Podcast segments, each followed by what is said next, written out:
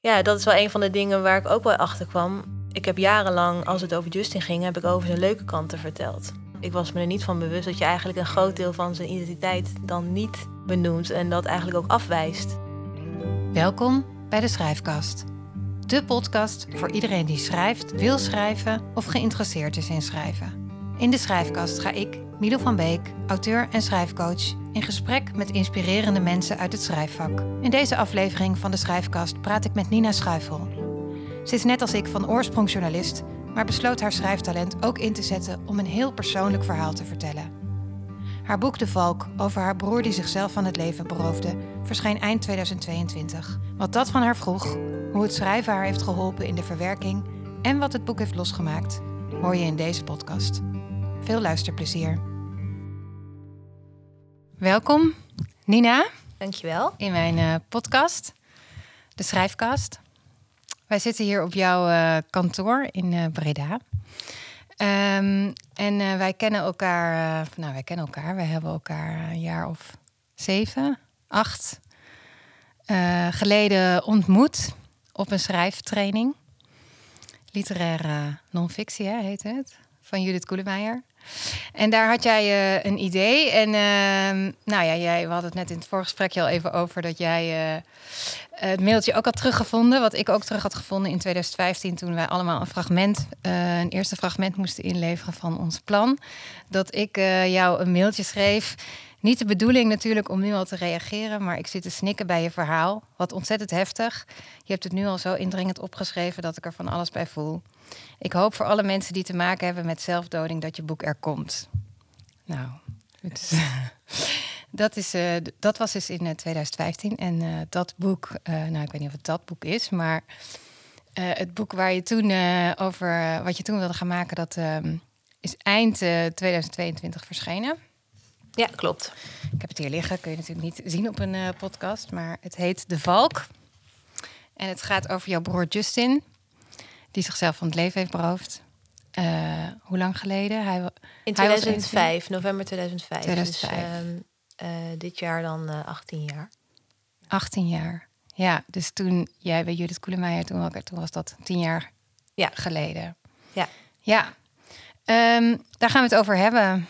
Over je boek en over jou en eh, wat het boek jou gebracht heeft. Ehm, ik vind het heel fijn dat, Ja. we, dat we met elkaar praten. Jij vindt het eh, Spannend. spannend ook. En dat is misschien ook wel aardig om mee te beginnen. Ook omdat je als zei, eh, nou ik weet niet of je liever schrijft. Of je zei, je zei niet ik schrijf liever dan dat ik praat. Maar wel, Hierover schrijf ik liever dan dat ik erover praat. ja. Ja. En ik, ja, ik, ik snap dat heel goed omdat ik zelf ook graag schrijf. En omdat ik denkend eh, schrijf. Maar kan jij vertellen eh, waarom je hier liever over schrijft dan over praat? Ehm, ja, ik denk dat iedereen die schrijft wel herkent dat je, als je je gedachten toevertrouwt aan papier, dan is dat heel veilig. En dan kun je ehm, alles schrijven wat je wil en vindt niemand er iets van. En maakt het ook niet zo uit als je iets vergeet. en ik heb heel lang eh, gehad dat ik het heel, gewoon heel lastig vond om over het onderwerp te praten, omdat ik altijd vond dat het niet volledig was. Ehm, maar ik merk het ook fysiek. Ik, kreeg, ik heb heel lang gehad dat ik eh, het gevoel kreeg dat mijn keel werd dichtgeknepen. Gewoon echt pijn aan mijn keel kreeg ik als, ik, als iemand het onderwerp Justin eh, ter sprake bracht. En ik begon ook altijd helemaal te rillen. En ehm, ja, dat was niet zo, ging niet zo soepel. En eh, eh, inmiddels moet ik zeggen dat het wel veel beter gaat. Eh, vooral door het schrijven van het boek. En het boek is ook een aanleiding voor veel mensen om erover te beginnen. Dus dat is al heel fijn. Ja. Ja. Dus dan ga je, of je dan wil of niet, bij wijze van je wordt er nu meer op bevraagd doordat je dat boek hebt gemaakt. Ja, en het grappige is dat ik... ehm, eh, ik heb heel lang bijvoorbeeld ook moeite gehad met het aangaan van nieuwe vriendschappen sinds mijn broer overleed. Omdat eh, ik altijd zoiets had- van. ehm, ik was 18 toen dat gebeurde. En dan. Ja, dat is gewoon een hele onhandige leeftijd eigenlijk. Ja. Je bent op papier volwassen, maar emotioneel nog helemaal niet natuurlijk. En je denkt gewoon heel zwart-wit. Mhm. Ehm, en ik veranderde heel erg door die gebeurtenis. En dat merkte ik. En ik vond mezelf niet meer leuk. En eh, ja, van een eigenlijk heel energiek eh, meisje... wat altijd heel vrolijk in het leven stond... werd ik opeens best wel een zwaarmoedig persoon. Zo voelde ik dat. Maar ik kon er niks aan doen. Ik kon het niet, ik kon het niet veranderen. En ehm, ja, ik vond het altijd... eh, heel lastig eh, als mensen er niet naar vroegen, naar wat er was Mhm. gebeurd. Ja. Omdat ik dacht, ja, dan interesseert je het je niet. Maar dan kun je mij dus ook nooit leren kennen. Dus Mhm. ehm, ik heb sindsdien heel veel sociale contacten gehad, maar nooit meer... Ja, ik hield mensen toch altijd een beetje op afstand, onbewust eigenlijk. Mhm. En het vervelende was ook nog eens dat eh, ja, op het moment dat mensen er wel naar vroegen en erin geïnteresseerd in waren, kon ik er eigenlijk niet zo goed over praten. Dus ik Mhm. wilde eigenlijk dat iedereen de ins en outs wist. maar ik wilde er niet over hoeven praten. En ehm, ja, tijdens het schrijven van dit boek speelde de hele tijd op de achtergrond die gedachte mee van weet je, dan heb ik straks het boek en dan leer ik nieuwe mensen kennen en dan geef ik ze gewoon dat boek, want dan, dan weten ze alles. En Ja. dan hoeft het nooit meer over te hebben. Ja. En dan weten ze wel alles. En dan kunnen we vanaf daar verder. ja. En het mooie was eigenlijk dat toen het boek af was, toen voelde ik: oké, als niemand dit boek ooit leest, is het eigenlijk ook wel goed. Mhm. Omdat ehm, ja, ik me heel erg realiseerde dat eh, die mensen die niks wisten over mijn broer en over zijn verhaal, dat waren niet die mensen buiten mij. Dat was ik gewoon zelf. Mhm. En ehm, ik realiseerde me ook dat het helemaal niet uitmaakt of mensen het hele verhaal kennen, want ik ken het nu. Dus dat is genoeg. Dus je hebt niet alleen het boek voor jezelf geschreven, maar je hebt het jezelf misschien ook wel opnieuw uitgelegd of opnieuw verteld. Ja, ja, ja. Ik ben veel meer eh, gaan begrijpen daardoor. En ehm, als mensen er nu naar vragen, kan ik ook het verhaal vertellen zoals ik het ken. Ja. Ehm, want het was best wel een schok toen dat gebeurde, omdat hij was, eh, mijn broer was 21, ik was 18. Mhm. En ehm, ik woonde net in Amsterdam op kamers een paar maanden. Ehm, we hadden een redelijk zwaar jaar achter de rug. Mijn vader was een jaar daarvoor al overleden. Mhm. En eh, ik had mijn eindexamenjaar, heel- ik had heel hard geploeterd om dat te halen, om mijn diploma te halen. En ik dacht, nu ga ik het avontuur aan, nu ga ik in de grote stad wonen. En eh, ik had het heel erg naar mijn zin. Ik werd lid van de studentenvereniging, ik had heel veel vriendinnetjes. En ik was op elk feestje te vinden en toen gebeurde dit opeens. En Ja. Ja, dat was best wel een schok ook voor heel veel mensen hoor. Eh, we- Ja. Ons leven speelde zich af in Breda, in hier waar we nu zijn. Ja. En ehm, ja, mijn broer was eigenlijk een hele charismatische jongen. Eh, leek alles voor elkaar te hebben. Heel veel vrienden. ehm, knap. eh, humoristisch. En, en niemand wist eigenlijk precies wat er speelde, behalve een paar mensen. Mhm. Dus ehm, ja, voor mij was het best wel een schok. En eh, het moeilijke is ook nog wat erbij komt, is bij zelfdoding dat mensen heel snel zichzelf toch een bepaald verhaal gaan toe-eigenen. hè. Dus een bepaalde waarheid willen vinden eigenlijk. Mhm. Dus in Breda deden ook de wildste verhalen eronder over wat er met hem was gebeurd en waarom hij het had gedaan. Mhm. Eh, maar zelf deed ik daar eigenlijk ook aan mee. Want ehm, ja, ik hoor natuurlijk de volwassenen en mijn moeder en zus bijvoorbeeld, die wel iets meer op de hoogte waren, die hoorde ik zeggen: ja, hij was eigenlijk al jaren ongelukkig en hij paste niet op deze wereld. En ehm, het is goed zo en dit wilde hij. En dat ga je dan zelf ook overnemen als, als, Mhm. als kind, tiener eigenlijk. Terwijl ik diep van binnen eigenlijk voelde van dit klopt helemaal niet en ik snap er helemaal niks van. Mhm. Dus het is ook nog eens zo dat je dat hele verhaal eigenlijk wegmoffelt. Omdat je denkt, ik, het zal, het, ik moet het blijkbaar gezien hebben. Dus Mhm. ehm, dan is het heel confronterend om het eigenlijk niet te weten. En durf je er eigenlijk ook niet Over te praten. over te praten of echt eh, Echt vragen over door te vragen. Ja. Ja. Hey, en toen wij elkaar ontmoetten was het dus tien jaar geleden. Maar toen was er wel, toen was jij dus 28. Toen wij in die, in die eh 25. En ehm, toen wilde je er dus wel eh mee Nee, dat was zeven jaar geleden, was ook 28 jaar. Ja.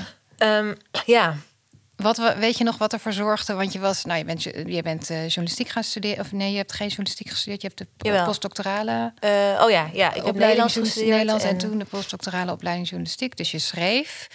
En toen heb je op een gegeven moment toch gedacht, behalve journalistiek schrijven, verhalen over anderen maken, mensen interviewen, wil ik ook nog een andere manier van schrijven? Of wil ik in ieder geval met dit verhaal van over Justin iets doen? Weet Ja. je nog waar dat door kwam toen in 2015? dat was toen niet echt een speciale aanleiding.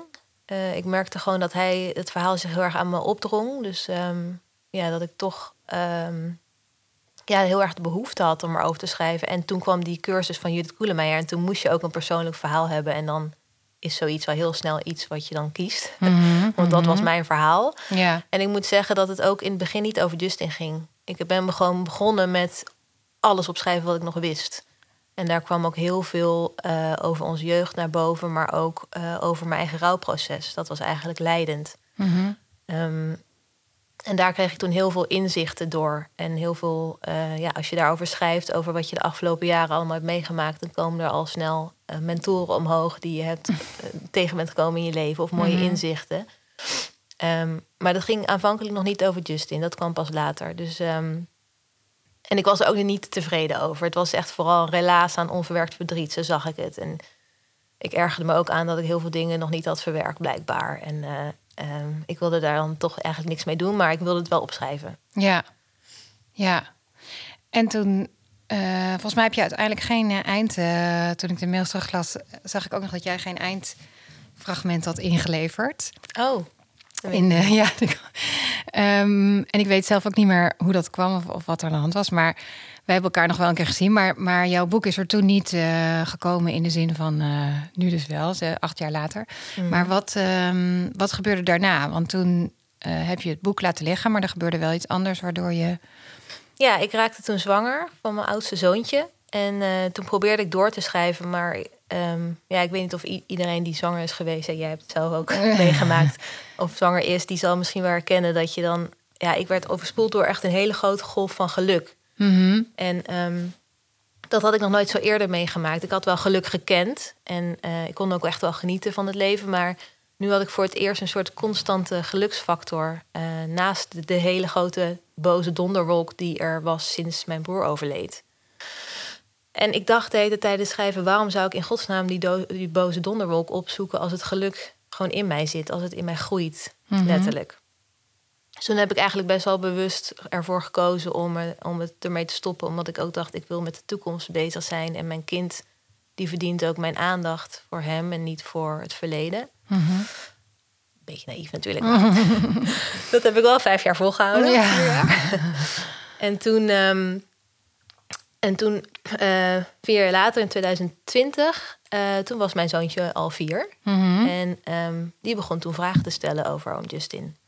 Ik Want die zag een foto. Ja, die zag een foto van mij en mijn broer en zus van vroeger. En eh, ik had hem wel eens verteld over oom Justin. En hij begon daarover te praten. En hij, ehm, ja, hij stelde eigenlijk hele lieve, lieve vragen. Van hoe is het in de hemel? En kunnen we daar ook naartoe? En ehm, heeft oom Justin ook auto's? Cars auto's. Waar was hij toen helemaal fan van. En ehm, ja, voor het buitenwereld was het eigenlijk een heel rustig, lief gesprekje tussen moeder en zoon. Maar ik voelde echt enorme paniek, omdat ik heel erg besefte opeens van shit, mijn kinderen gaan straks misschien wel meer vragen stellen over oom Justin. En Tony, mijn oudste zoontje, die gaat over een paar jaar misschien wel vragen hoe is oom Justin overleden? En misschien vele jaren later, waarom dan? En wat was er met hem? En toen besefte ik dat ik daar eigenlijk dan geen antwoord op zou kunnen geven. Mhm. En dat heeft ertoe geleid dat ik dacht, ja, ik moet meer te weten komen over mijn broer. En ik moet onderzoek gaan doen. Ehm, en niet nu, of niet later, maar echt nu. Ja. Want mijn kinderen worden groter. En Mhm. eh, ik heb inmiddels drie zoontjes. Mhm. Dus ik had er haast bij. en toen ben ik echt begonnen met het verhaal over mijn broer. Dus eh, mensen, ik ben mensen gaan interviewen. Ja. Ik heb eh, ruim 35 mensen geïnterviewd. En dat ging van familieleden naar vrienden, naar oud-docenten van hem, hulpverleners. Eigenlijk alle mensen die een bepaalde rol in zijn leven hebben gespeeld. Mhm. En iets konden vertellen ook over, over hem en hoe hij zich ontwikkelde. Mhm. En hun herinneringen aan hem. En dat is eh, begonnen in 2020. En ehm, dat is in twee jaar dus heb ik dat eh, Ja. geschreven. En nu is het boek er. En eh, ondertussen is er nog een kindje doorheen gekomen. Ja. Dus dat was eventjes even een intermezzo. Kon er ook nog wel even bij. Ja. Hey, en je, je zegt al, je hebt 35 mensen, allemaal mensen die een rol hebben gespeeld in Justin's leven of familie van hem waren. Ehm, we, we, ontving iedereen jou met open armen? Ja, Echt waar? ja, echt heel bijzonder. Ja, hulpverleners waren een beetje op hun hoede. Van ja, Ja. wat is precies de bedoeling? En ehm, ja, ik weet niet of ik nog wel wat kan vertellen. Maar uiteindelijk, eigenlijk konden ze heel veel vertellen allemaal. Mhm. En ehm, nee, eigenlijk was iedereen, stond er meteen voor open. Ja, En jij wilde een reconstructie maken van zijn leven. Ja. Ehm, en eh, dat wilde je doen door met al die mensen de, te praten en zo de puzzel te leggen. Was dat je idee eh, bij het boek? nou ja, mijn idee, ik kom uit de journalistiek, dus ik dacht, ik was gewend om verhalen te maken aan de hand van heel veel dingen verzamelen. En dan, dan de dag van daarna heb ik dan de waarheid. Ja. Ook dat was redelijk naïef, want ja, bij zo, zoiets complex als zelfdoding, er, er is geen één waarheid. En Mhm. daar, ehm, dat beschrijf ik ook in het boek, daar heb ik me ook uiteindelijk mee moeten verzoenen. Dat ik nooit het hele verhaal echt zou kennen, maar wel het meest dichtbij heb kunnen komen. Mhm. Dus mijn idee was inderdaad, nou, dan ga ik allemaal mensen interviewen en feiten van me een week daarna precies wat er is gebeurd. Ja. Ehm, Ja. Dus mijn idee was ook om het verhaal op te bouwen aan de hand van allerlei verhalen van iedereen. Ja. Ehm, maar al vrij snel kwam ik erachter van ja, dat, dat, daar doe ik de geïnterviewde geen recht mee. Want de een zegt dit, de ander zegt dit. En Mhm. ja, iedereen he- heeft ook recht op zijn eigen waarheid. Dus het een is niet minder waar dan het ander. Mhm. Dus ik heb er toen voor gekozen om zelf de reconstructie te schrijven. En dan de geïnterviewde eh, los aan het woord te laten. Dus Ja. eh, er staan losse interviews in het boek, zeg maar. Ja. Ja. En ehm, nou, dus als je een journalistieke achtergrond hebt, heb ik ook. Dus dat is inderdaad een logische keuze om dan interviews te doen en die te verwerken. Heb je ook overwogen om alleen jouw verhaal te schrijven? Ja, en dat is dus eh, het verhaal waar ik ooit mee begon. Dus toen wij elkaar leerden kennen. Dat was, ik had nog steeds dat hele relaas aan, aan mijn eigen verhaal en over mijn eigen rouwproces. En daar kwam ook tijdens het schrijven steeds meer over naar boven weer. En ook nu met een veel. Ja, nu kon ik er veel meer met afstand over schrijven. In die afstand bedoel ik mee dat ik het dus dat ik veel meer alweer verwerkt had. Want het was ook alweer jaren later. Dus het was iets gezonder, zeg maar. Iets emotioneel gezonder. Ehm, en ik heb heel de afgelopen twee jaar telkens gedacht dat ik die twee verhaallijnen zou combineren tot één boek. Dus ehm, mijn eigen verhaal, eh, Justins verhaal van zijn geboorte tot zijn dood. En dan mijn verhaal vanaf zijn dood. Zo, mijn verhaal zou dan beginnen vanaf zijn dood tot Ja. nu. Ja. Ja, en uiteindelijk heb ik ervoor gekozen om dat niet te combineren. Mhm. En wa- wat eh, kun je vertellen waarom je die keuze hebt gemaakt? Ehm, nou, ehm, ja, ik dacht de hele tijd dat, die, dat, het, dat er op een gegeven moment een punt zou komen dat die twee verhaallijnen vloeiend in elkaar over zouden lopen. En ik dacht, ik zag het helemaal voor me dat dan een deel zich in het heden zou afspe- afspelen. Dat was dan mijn onderzoek naar hem. En dan een deel in het verleden. En dat je dan afwisselt. Maar ik kwam er, ik kwam er gewoon niet echt uit waar je dan moest beginnen. En ehm, ik heb daar toen met eh, Jelte, die hier ook in de eerste Ja. aflevering aan het woord is geweest, eh, over gekletst. En ehm, ja, die gaf mij toch wel wat inzichten. Eh, namelijk dat het verhaal over mijn rouwproces, dat, dat heeft hele universele thema's. Hè? Mhm. Dus eh, rouw, schuld, eh, liefde, ehm, vriendschappen, Familie, ja. familie. Alles komt daar eigenlijk in naar voren.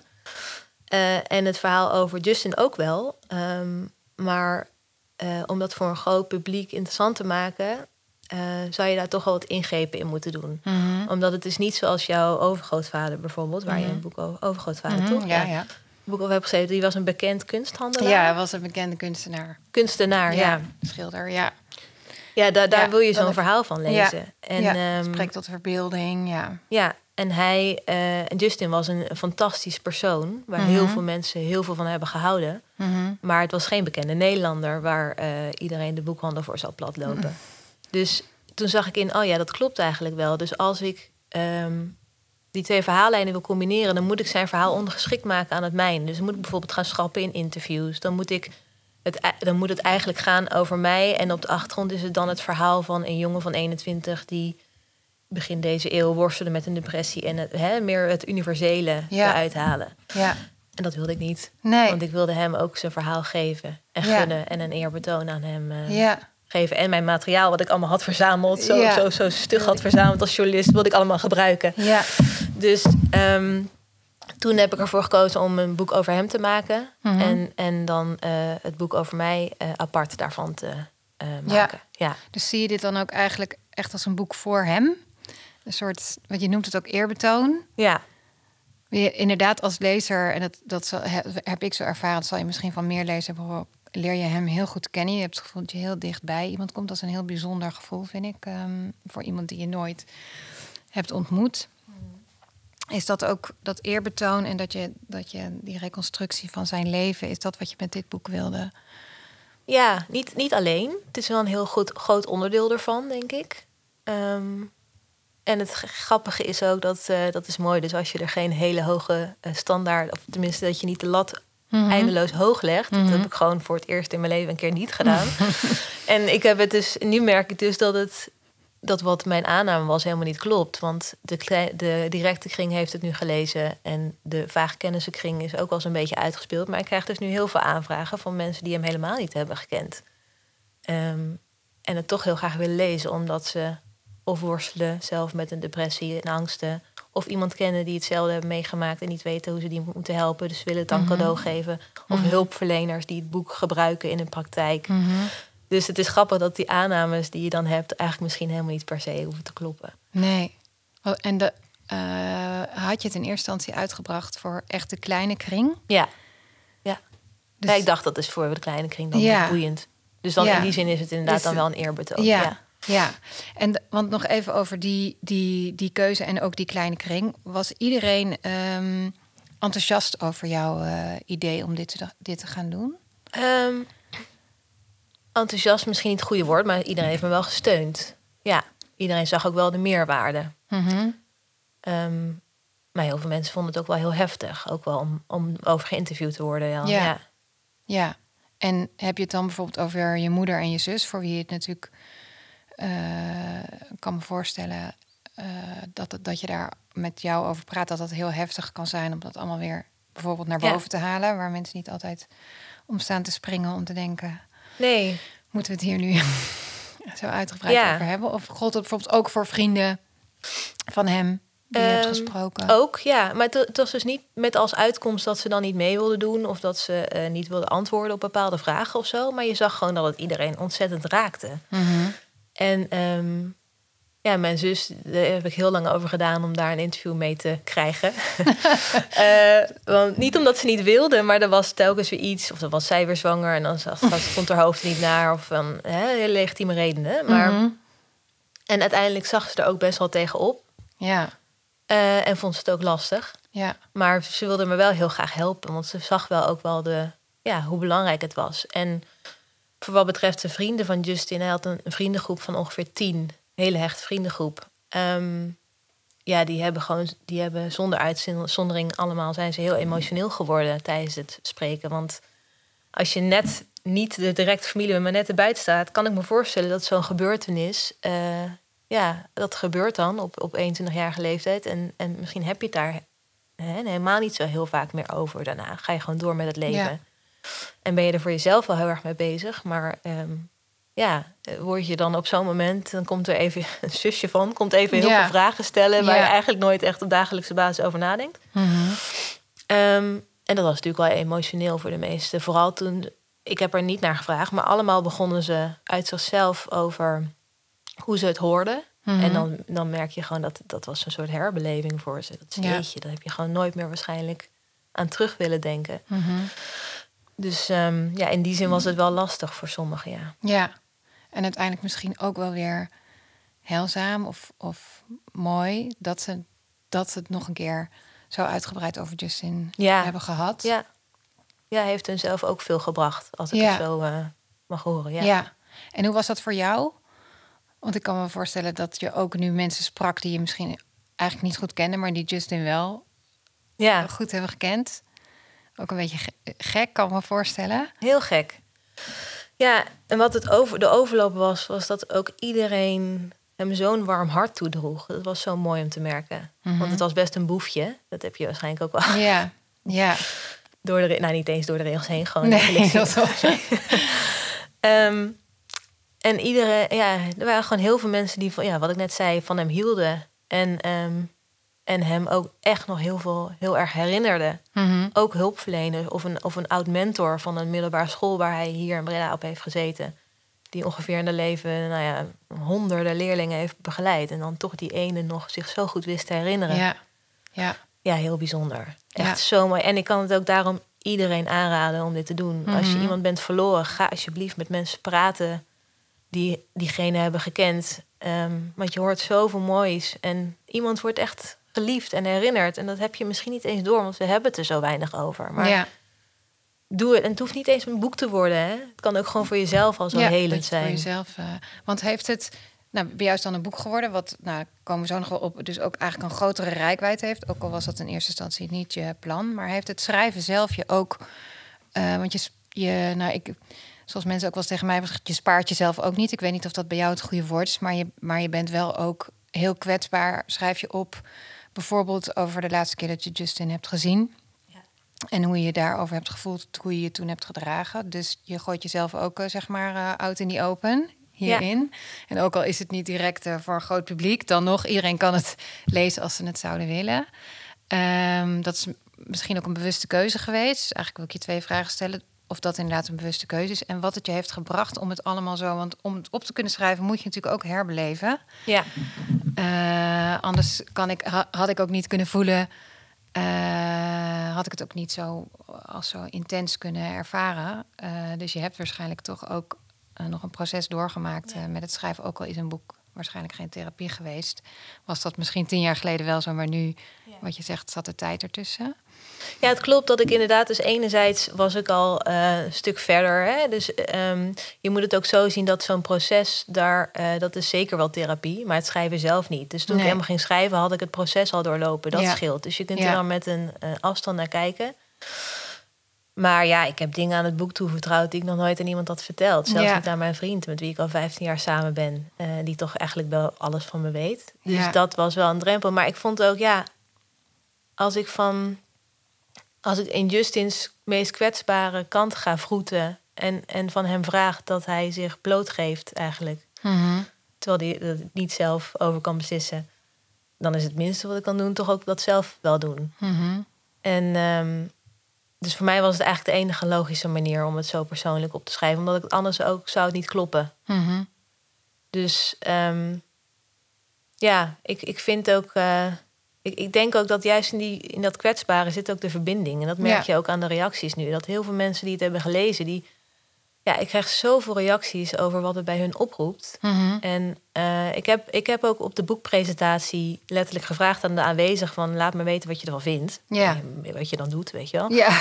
Dus die, dat, dat die allemaal een reactie gaven, vond ik niet eens zo gek. Maar ook gewoon mensen die daar helemaal niet waren, die voelen zich geroepen om toch hun, hun eigen kwetsbaarheid te delen. En iedereen heeft wel iets Mhm. wat hij eruit haalt, wat herkenbaar is. Dus ja, ik heb een, een, een vrouw die al jarenlang eh, haar een goede vriendin heeft die aan depressies lijdt. En ze wist niet meer zo goed hoe ze haar moest helpen. En door het boek heeft ze weer inzichten gekregen over wat haar rol kon zijn en wat ze kon doen. Nou, prachtig. Ja. Maar ook een jongen van 21, dus net zo oud als toen Justin overleed, die het heeft gelezen en zegt: Ik herken zoveel van mezelf in hem. Mhm. En eh, ik wist niet dat er ook andere mensen met dit soort dingen rondliepen. Eh, mensen die veel herkennen in Justins karakter, Mhm. eh, met betrekking tot hun eigen zoon, broer, oom, vader. Mhm. Want het zijn toch ook wel vaak excentrieke types die Ja. dit doen. Ja. Ehm, ja, dus, dus in die kwetsbaarheid zit ook, ook de ja, het het is altijd iets heel bijzonders. Dat, eh, hoe, hoe, hoe persoonlijker of hoe kwetsbaarder je wordt, hoe universeler het wordt. Ja, en dan dus niet je, je ziel op tafel gooien. Want als ik het inderdaad, eh, de tekst van zeven jaar geleden, toen wij bij Judith. Koelemeijer zaten, als ik die had gebruikt voor dit boek, dan was het Mhm. niet leuk om te lezen. Er zat heel veel boosheid in, heel veel Mhm. onverwerkt verdriet. Mhm. Heel erg met de schuldvraag bezig. En dan, weet je, dat, dat, dat, dat, dat moet je niet, die eerste teksten moet je volgens mij liever beter niet gebruiken. Mhm. Maar als je er volwassen naar kan kijken op een volwassen manier, Mhm. ehm, dan, dan, dan wordt het ook. ehm, kun je het nog steeds voelen. En ik voel het ook nog steeds. Mhm. Maar dan wordt het iets prettiger om te lezen. Ja, Ja, en Ja, makkelijker dat- om te schrijven. beetje de schrijf niet vanuit de wond, maar vanuit het litteken. Ja, ja oh, dat is een mooie. Ja, Ja, die ken is- ik niet. Ja, Ja, en, en, en buiten dat vind ik ook gewoon dat het... eh, was het voor mij ook heel fijn om die diepgang op te zoeken. Omdat, ja, ik weet niet of je dat misschien herkent... maar in een leven met kleine kinderen, in deze fase waarin ik nu zit... mis ik best wel soms het, eh, het gesprek. Dus Mhm. het gaat heel vaak over luiers en over dingen. En dan denk ik, ja, het interesseert me gewoon. Ik vind mijn kinderen fantastisch. ik hou heel veel van ze. En ik praat graag over ze en, en denk graag over ze. Maar ik hoef het daar niet de hele tijd over te hebben. En nee. Voor mij was het in deze fase juist heel fijn om, eh, ja, om het ook echt over de dingen te hebben waar het over moet gaan, wat mij Ja. betreft. En dan bedoel ik het dus niet letterlijk, want ik hoef, weet je wel, ik hoef niet op elk schoolplein gesprek te hebben over, over hoe, hoeveel schuldig ik me voelde. Ja.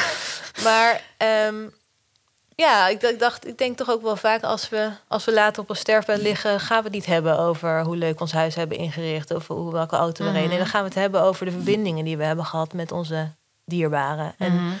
dat, dat is wat er echt toe doet. Of het nou om je kinderen gaat, of je ouders, of je broer of zus, of, eh, of je vrienden. Mhm. Eh, dat is uiteindelijk waar, waar we mee overblijven. Dus ik, ja, het voelde mij super waardevol en ook heel logisch om daar zo mee bezig te zijn. En verandert, verandert dit boek ook dus de gesprekken die je met mensen hebt? Ja, ja. Ja, de small talk is wel eh, uit de weg geruimd, ja. ja, nee, zeker. Ja, ik denk ook wel. Ik ben, ik, ik ben in het echte leven ook wel open en eerlijk hoor. Maar ik ben niet per se iemand die alles op tafel gooit zonder dat er naar gevraagd of zonder dat er aanleiding Mhm. voor is. Dus ik denk ehm, dat mensen het fijn vinden om ook mij een beetje te leren kennen. En, ehm, eh, en zich daar misschien in herkennen. En dan heb je al meteen een soort drempel die weg is om het over bepaalde dingen te hebben. En, want ik heb andersom wel eens dat verwijt gekregen dat je dus de- wel makkelijker de dingen opschrijft dan dat je ze zegt. Eh, omdat bij wijze van als je eh, in een boek of misschien op socials, wat ik ook nog wel kan doen, dingen deelt die mensen nog niet van je weten, bijvoorbeeld. Omdat je het nou eenmaal makkelijker schrijft dan praat. Vinden sommige mensen dat ook een beetje eh, lastig. Heb je dat ook ervaren? Of, ehm, Ehm, nee, niet echt. Maar jij bent ook wat kritischer, denk ik. Eh, in de zin dat je ook eh, tegen bepaalde heilige huisjes aanschopt. mhm. En dat heb Mhm. ik nog niet echt zo gedaan. Nee. Behalve achter het masker van journalist. Dat als ik het over, over echt nieuwsitems Ja. Als ik daarover schrijf, dan, maar dan ben ik niet mezelf. Zeg maar, dan gooi ik mezelf niet in het verhaal. Mhm. Dus nee, ik heb dat nog niet zo gehad. Of ik hoor het gewoon niet, want Breda, in Breda is het allemaal best wel lieflijk. En eh, Ja. hè? Brabanders die eh, vinden, ja, ik weet niet of dat echt... En jij zit ook heel erg online, dus je krijgt Ja, heel veel online, krijg ik ook wel eh, meer. meer maar en, en het is ook zo dat niet iedereen natuurlijk. Sommige, ehm, ja, sommige mensen praten makkelijker dan. Of veel mensen misschien praten makkelijker dan dat ze schrijven. Dus dan is het altijd nog wel gek om te zien dat je misschien je makkelijker uitdrukt schrijvend Oh ja. dan, eh, Zo, dan ja. pratend. Ja. Nou, ik denk wel dat mensen verbaasd kunnen zijn. Ja. Ja. Ja. Maar niet, ehm, ja, niet zoals bij jou. Nee. Dat, eh, maar wat doet dat met jou dan? Als je, Eh. Ehm, nee, soms eh, vraag ik me wel eens af of ik daarmee in, inderdaad dingen die eigenlijk voor intieme kring zijn, eh, niet te veel te grabbel gooi. Dus dat Oh, er een bepaalde eh, intimiteit eh, verloren kan gaan daarmee. Terwijl ik natuurlijk ook niet, eh, ik boetseer ook wat ik schrijf. Ik ben wel heel transparant en open. En ik ben denk ik wel dezelfde voor een groot deel eh, op, op socials en in boeken als in het echt. Maar maar ik, ik heb, eh, probeer altijd uit te leggen als je achter je computer zit en je schrijft. Niet alleen kun je, ik, ik denk schrijvend, maar ook ehm, het is heel fijn om daarin de rust te hebben en heel goed te kunnen nadenken. Wat zei je aan het begin ook al over wat je kwijt wil. En dat is in een gesprek toch moeilijker. Of je moet soms er, als het met meer mensen moet je je best doen om er bovenuit te komen. Dat vind ik ook altijd. Ja. een- en dat hoef je nou eenmaal niet als je dat eh, op schrift doet. ja, klopt. En eh, ja, het is, wat je wil zeggen is soms moeilijker. eh, ja, ik kan het duidelijker verwoorden op schrift. Maar ik begrijp heel goed dat niet iedereen daarop... dat sommige, voor sommige mensen dat lastig is om te begrijpen. Of ja, als je dat niet hebt. Ja, ik denk dat er wel mensen zijn die vinden dat ik Justin's leven te grabbel gooi. Want ehm, ja, in, het, in zijn eigen leven wilde hij niet dat iemand van zijn problemen wist. Eh. En mijn moeder was van bijna alles op de hoogte, maar die mocht het aan niemand vertellen, zelfs niet aan mijn vader. Dus eh, ja, je zou kunnen zeggen van hij wilde het niet, dus dan moet je het ook dichtlaten. Of je, of je zou kunnen zeggen hij kon het niet, dus dan moet je, het juist, moet je hem juist in het licht zetten daarmee. Ja. Want ja, dat is wel een van de dingen waar ik ook wel achter kwam. Ik heb jarenlang, als het over Justin ging, heb ik over zijn leuke kanten verteld. Mhm. Omdat ik vond dat mensen dat moesten weten. Mhm. En ik dacht altijd, ja, daarmee hou je iemand in ere. Maar ik was me er niet van bewust dat je eigenlijk een groot deel van zijn identiteit dan niet benoemt. En dat eigenlijk ook afwijst, Mhm. diep van binnen. Ja, Ehm, dus eh, ja, dat hoorde ook bij hem. En dat mag er ook zijn. ja, En, en het feit dat hij er niet kon, dat, dat geeft juist een drive om, om, eh, dat wel ja, te doen. om dat wel te doen. Ja. En hem ook als mens te zien. Het is ook een beetje een proces geweest zoals, zoals je volgens mij met je ouderen op een gegeven moment ook doormaakt. Dat je ze als mensen gaat zien. Ja, dat heb Mhm. ik nu met mijn broer ook gehad. Want ja, als kleine zusje, ik, ik keek ontzettend tegen hem op. Hij kon altijd alles, hij loste altijd alles op. Hij was super sterk in mijn idee. En ehm, ja, het is super eng om dat beeld naar beneden Ja. te trekken. Ja. Maar je krijgt er zoveel voor terug. Ehm, ja. ja, want je krijgt de, de, de complete mens Justin ervoor terug. ja, En nog meer? je gaat hem beter begrijpen. Ehm gaat jezelf beter begrijpen, want ik ben ook onderdeel van hem, of ik nou wil of niet. Ehm, en eh, ja, je komt gewoon dichter bij hem eigenlijk. Ja. Ja. En ik heb hem wel echt ontzettend gemist hoor. In? Ja, tijdens het schrijven. Ja. Ik, eh, vooral zijn lijf. En dat klinkt misschien een beetje gek, want het is echt niet zo. Hè? We waren tieners toen hij eruit stapte. Dus het niet zo dat we elkaar de hele tijd knuffelden of zo. Maar omdat ik geestelijk kon ik heel erg bij hem in de buurt komen tijdens het schrijven. Dus ik had echt het idee soms dat hij elk moment de kamer in kon lopen, weet je wel. Mhm. En, dat, en dat gebeurde dan niet. Dat lijfelijke, dat, dat het leek alsof ik al in een bootje zat en hij in het water. En ik probeerde zijn hand vast te pakken en ik kon het telkens net niet bij, weet je wel. Dat, dat was heel erg, dan blijft alleen maar het gemis over. Plus dat ik natuurlijk ehm, ja, in zijn diepste zielenroerselen ben gaan graven. En Ja. heel erg heb beseft dat hij zich heel eenzaam moet hebben gevoeld. Dus ik had ook echt die behoefte om hem even vast te houden. En dat kon dan niet. Dus dat, ja, dat gemis was wel heel... eh, Moest je dan nog een keer afscheid van hem nemen Ja. toen het klaar was? Ja, die laatste zes weken in het boek... ehm, die waren vreselijk om te schrijven. Omdat... Ten eerste ook feitelijk hoor, want kon het heel moeilijk reconstrueren, omdat hij zich steeds meer afzonderde en eigenlijk met weinig mensen contact had. Maar ook omdat ik, eh, ja, tot, tot, die laatste zes weken kon ik telkens wel lichtpuntjes beschrijven in zijn bestaan. En dan ging het een tijdje slecht, maar dan had hij ook dit. En dan was, weet je wel, dit was dan waar hij van kon genieten. Maar die laatste zes weken liep het echt alleen maar slecht af. En ik had echt het gevoel dat ik weer opnieuw afscheid van hem moest nemen. Dat het me weer niet was gelukt om hem, om hem vast te houden, om hem bij te houden. Ja, dat was echt Ja. vreselijk. Die heb ik ook echt met zweet onder mijn oksels eh, geschreven, dat laatste hoofdstuk. Ja. En heb je, ehm, je, je zei al, wat universeel is bij zelfdoding is vaak dat mensen daar die achterblijven ook met schuldgevoelens worstelen. Dat moest je waarschijnlijk ook nog een keer aangaan, kan ik me zo voorstellen, als je dit schrijft. En zeker als je het ook hebt over die laatste periode. Ja, Is dat, eh, kan je daar iets over zeggen? Hoe dat nu is, nu je dat hebt opgeschreven, is dat Ja. nog steeds? Of, of nee, het is echt... eh, ja, in die zin is, het, is dat heel helend geweest. Dat is denk ik het meest, heeft me het meest opgeleverd, dat schuldgevoel. En toen ik erover eh, schreef, toen had, kwam ik als eerste achter dat ik überhaupt dat schuldgevoel zo had. Ja. Want dat is ook nog zo'n ding wat Ja. je dan roept. Hè? Van nee, je kon er niks aan doen, want eh, je kunt zo iemand toch niet redden. Ja. Dus nee, ik voel me niet schuldig. Nee, je voelt je ook niet schuldig, maar je hebt gewoon van die knaagvragen. Had ik maar dit, of als ik dit had gedaan, of als ik mijn broer als mens had gezien toen al, had ik hem toen al misschien, had ik het toen voor hem kunnen zijn. Misschien had ik hem niet kunnen redden, maar ik had in ieder geval voor hem kunnen zijn, weet je wel. Mhm. Dus dat is meer van die knagende vragen die je dan schuldgevoel noemt. En in mijn geval eh uitte dat zich heel erg in... Ja, dit is allemaal later in therapie pas eh, opgelost. Hè? Dat had ik toen niet door. Maar uitte zich dat heel erg in controledwang. Omdat ik... ehm, ja, ik, ik, ik, ik was zo naïef geweest. Ik had zo losbandig in het leven gestaan, naar mijn idee. En dit was mijn straf. Dus ik, mijn, mijn redenering, hè, als, als kind, het kindse redenering, is, was... ehm, als ik de teugels laat vieren, dan gebeurt er iets heel ergs. Dus eh, ik mag niet meer naïef zijn. En dus ik ging heel erg eh, de verantwoordelijkheid terugpakken. Heel erg zorgen dat, eh, dat ik niks meer aan het toeval kon overlaten. Dat heb ik letterlijk in mijn dagboek geschreven. Ik ga nooit meer iets aan het toeval overlaten. Ik ga vanaf nu alles, alles altijd plannen. Zodat er mij niks meer kan overkomen. Ehm, en dat uit zich ook in faalangst. Want als er dan iets niet dreigde te lukken... dan was Ja. het alleen maar mijn eigen schuld. Ja. Dus dat, dat, dat die controledwang en die faalangst... dat waren echt hele nare excessen van eigenlijk dat schuldgevoel wat je bijdraagt. Mhm. En daar praten we niet over. Nee. Ehm, omdat we het ook moeilijk kunnen herkennen, denk ik dus. Mhm. Eh, maar tijdens het schrijven kwam ik erachter dat iedereen, iedereen met deze vragen zat. I- letterlijk iedereen. Ook de hulpverleners die dicht bij hem hadden kunnen komen. Eh, ook ehm, zijn vrienden. Ehm, iedereen had op zijn eigen manier zoiets van: had ik maar dit, had ik maar dat. Voelde zich op zijn eigen manier schuldig. En dat was voor mij echt een openbaring. Hm. En het feit dat het een universeel gevoel was in plaats van alleen voor mij, dat was voor mij zo, zo fijn. Mhm. Ehm, en ik vind het jammer dat we het daar niet over hebben. Want Ja. het zou zoveel Ja, kunnen nu wel dus. Ja, hopelijk. ja. maar dat heeft me dus wel heel erg eh, veel gebracht. En de, en de mensen die geïnterviewd zijn, denk ik ook. Ja.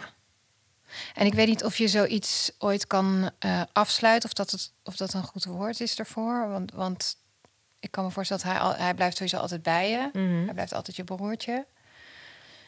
Ehm, maar heb je door het boek wel ook door een soort, nou, je, je hebt met je schuldgevoel en, en een weg gevonden, maar heb je ook eh, dat proces, of ik, ja, heb je het een beetje kunnen afsluiten, wat al zo lang bij je eh, was? Ja, heel veel wel.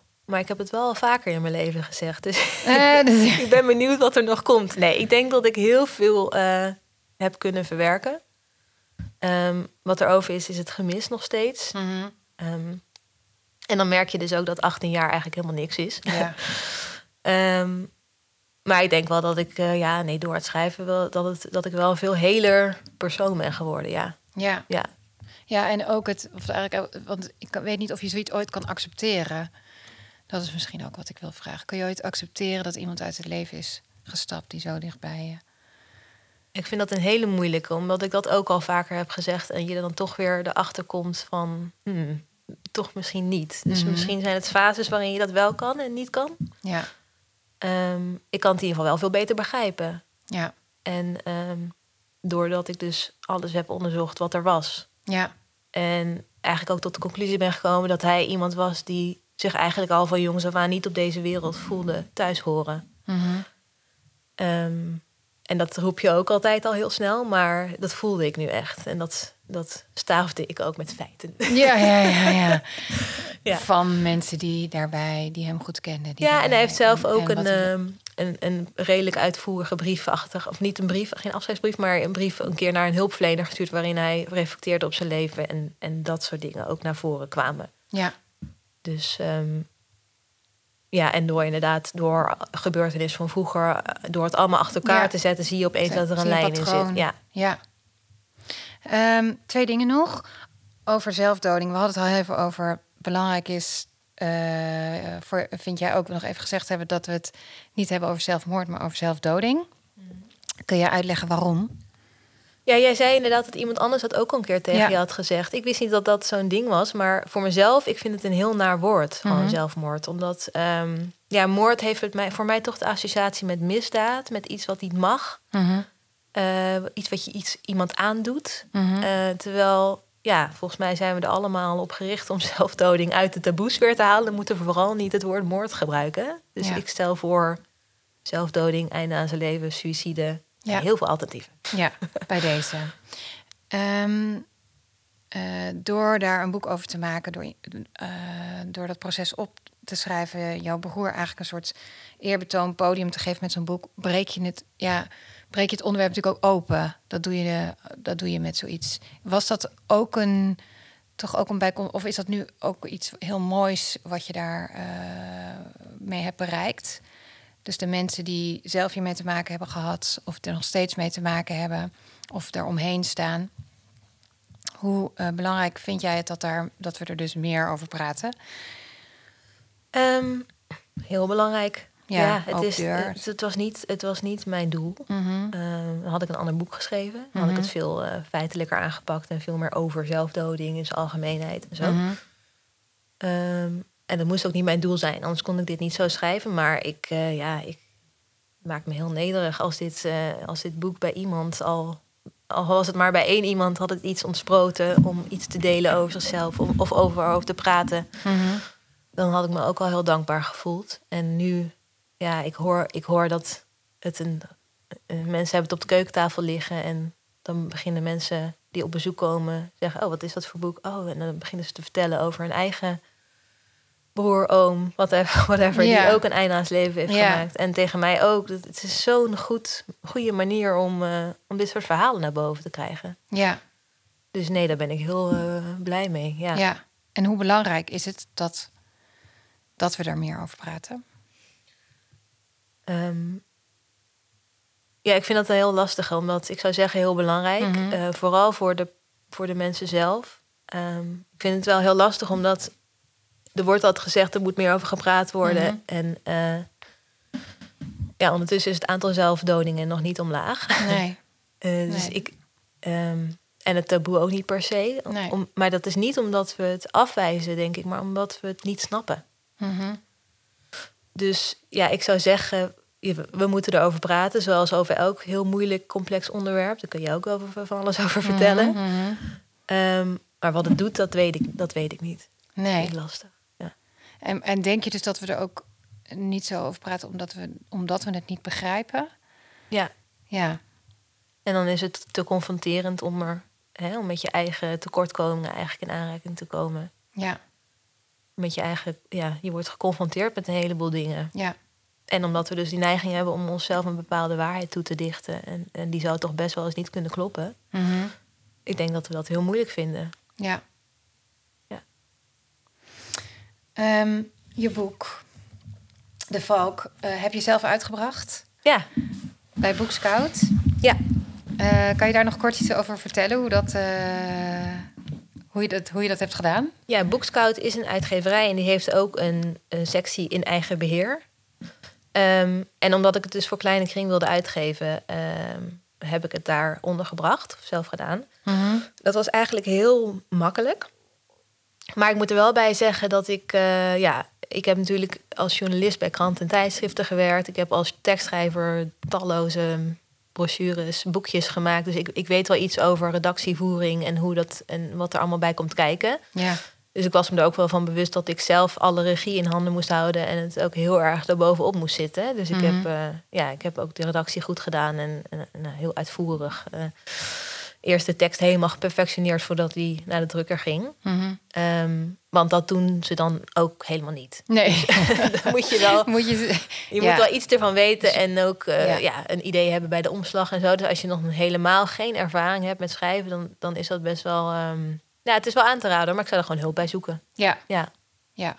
Maar voor jou was dat eigenlijk een, een, eh, een, een zeer overzichtelijk, Ja. maar goed te doen. Ja, er zijn eh, tegenwoordig proces. zoveel mogelijkheden Ja. voor. Dat is eigenlijk wel heel goed. Ja. Ja, precies. Want dan kun je dus ook, je, je maakt je totaal onafhankelijk natuurlijk. Dus als jij graag een verhaal waar dan ook over wil vertellen, kun je dat in eigen hand houden. ja. En toch, nou, in eerste instantie misschien voor kleine kring, maar je weet nooit waar het eh, uiteindelijk terecht komt.